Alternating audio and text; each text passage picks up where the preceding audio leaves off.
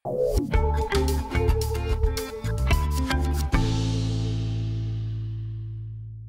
jullie eerste vraag is nou oor hoe positief te bly met emosionele trauma. Ek weet nie van jou nie. Ek dink daar's 'n redelike sterk vlak van ontkenning wat 'n mens nodig het in die lewe ontken, denial, soos hulle mos altyd gesê. Nee, ek weet nie. Ek het eh, vir my is dit ek kyk na mense wat mense sien so baie mense rondom jou wat swaar kry as jy. En hoe kan jy aangaan oor hoe swaar jou lewe is wanneer jy eintlik baie bevoordeelde mense is op baie vlakke en ander mense het nie kos om te eet nie. So vir my dit is baie moeilik, maar jy kyk, jy sien baie mense wat swaar kry en dit trek my, dis soos 'n klap in die gesig partykeer. So geniet jou oomblikke van huil en van gefrustreerd wees, maar jy moet jouself daar uitdruk. Dis hoe ek daaroor voel. Nie wat jy Ja, ehm um, O, oh, um, ek glo altyd, jy weet as uh, die lewe lyk net beter op 'n vol maag. So, nadat ek as ek kom by moeilike tye in my lewe, ek eet eers en dan kyk ek hoe gaan ek my dag aanpas. En uh jy weet om positief te wees, dit is 'n keuse. Ek glo dat ehm uh, pyn is onverwendbaar. Ons almal gaan pyn hê, maar mislikheid ja. is 'n keuse. presies. Kyk hierso, as iets traumaties gebeur, gaan sit al jou bloed onmiddellik in jou pens. Jy raak bleek, jy kan niks dink nie. Daarom sê maar mense, ek het 'n blank geslaan. In 'n oomblik ervaar jy nie verstaan die emosie nie. Die eintlike emosie kom eers hier na 3 maande.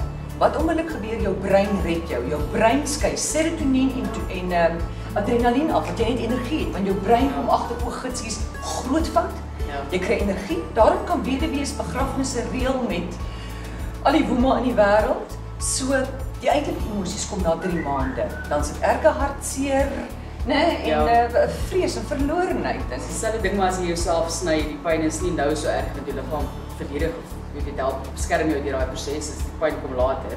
Maar ek dink op die ou end, um, enige vorm van verlies of trauma of hoe dit ook al sê, jy gaan deur daai stappe van ehm um, jy ontken weer soos nou weer by ontkenning, jy ontken dit, dan sê jy kwaad, dan sê jy hartseer, dan aanvaar jy die situasie so dit is. So daai tipe van stappe, ek dink almal gaan daardeur. Ek weet dit nou noodwendig emosies is nie, maar dit is definitief stappe wat jy deur moet gaan.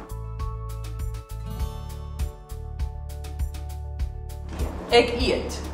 Geskik is met ek oefen, oefen en eet. Ek wil eers ek wil eers 'n uur, uur en 'n half oefen en dan is jou liggaam besig vir al hierdie gelukkige hormoontjies te gee en so. En dan dan wil ek vir myself lekker kos maak. Baie lekker kos, gemeesal gesonde kos, nie nie kos wat jou swaar gaan laat voel nie. So kyk na jouself nommer 1. Dit help nie jy probeer beter voel en jy kyk nie na jou liggaam nie. En jy voel nie jou siel nie. Ek weet nie, dit dit werk gewoonlik vir my.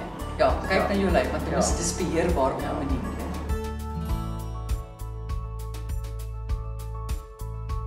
Ek het besef ek moet vir God buite die kerk gaan vind en 'n autentieke verhouding met God hê. Viktor Frankl, die bekende sielkundige en filosoof het gesê, "For Christianity to survive, it has to become profoundly personal." So dit het my verhouding meer autentiek met God gemaak. Maar ek kan nie daai autentisiteit in die kerk noodwendig uitleef nie. So ek het uit die kerk uit gegaan en God baie groter gevind buite die kerk en dit het my gehelp. Moet sê met die individualiteit, individuele verhouding is stem ek nogal baie saam om direk te praat. Daar's 'n duidelike pad. En 'n mens is geneig om daai dinge te ignoreer want dit is nie 'n maklike pad nie, dit is gewoonlik maar 'n moeilike pad.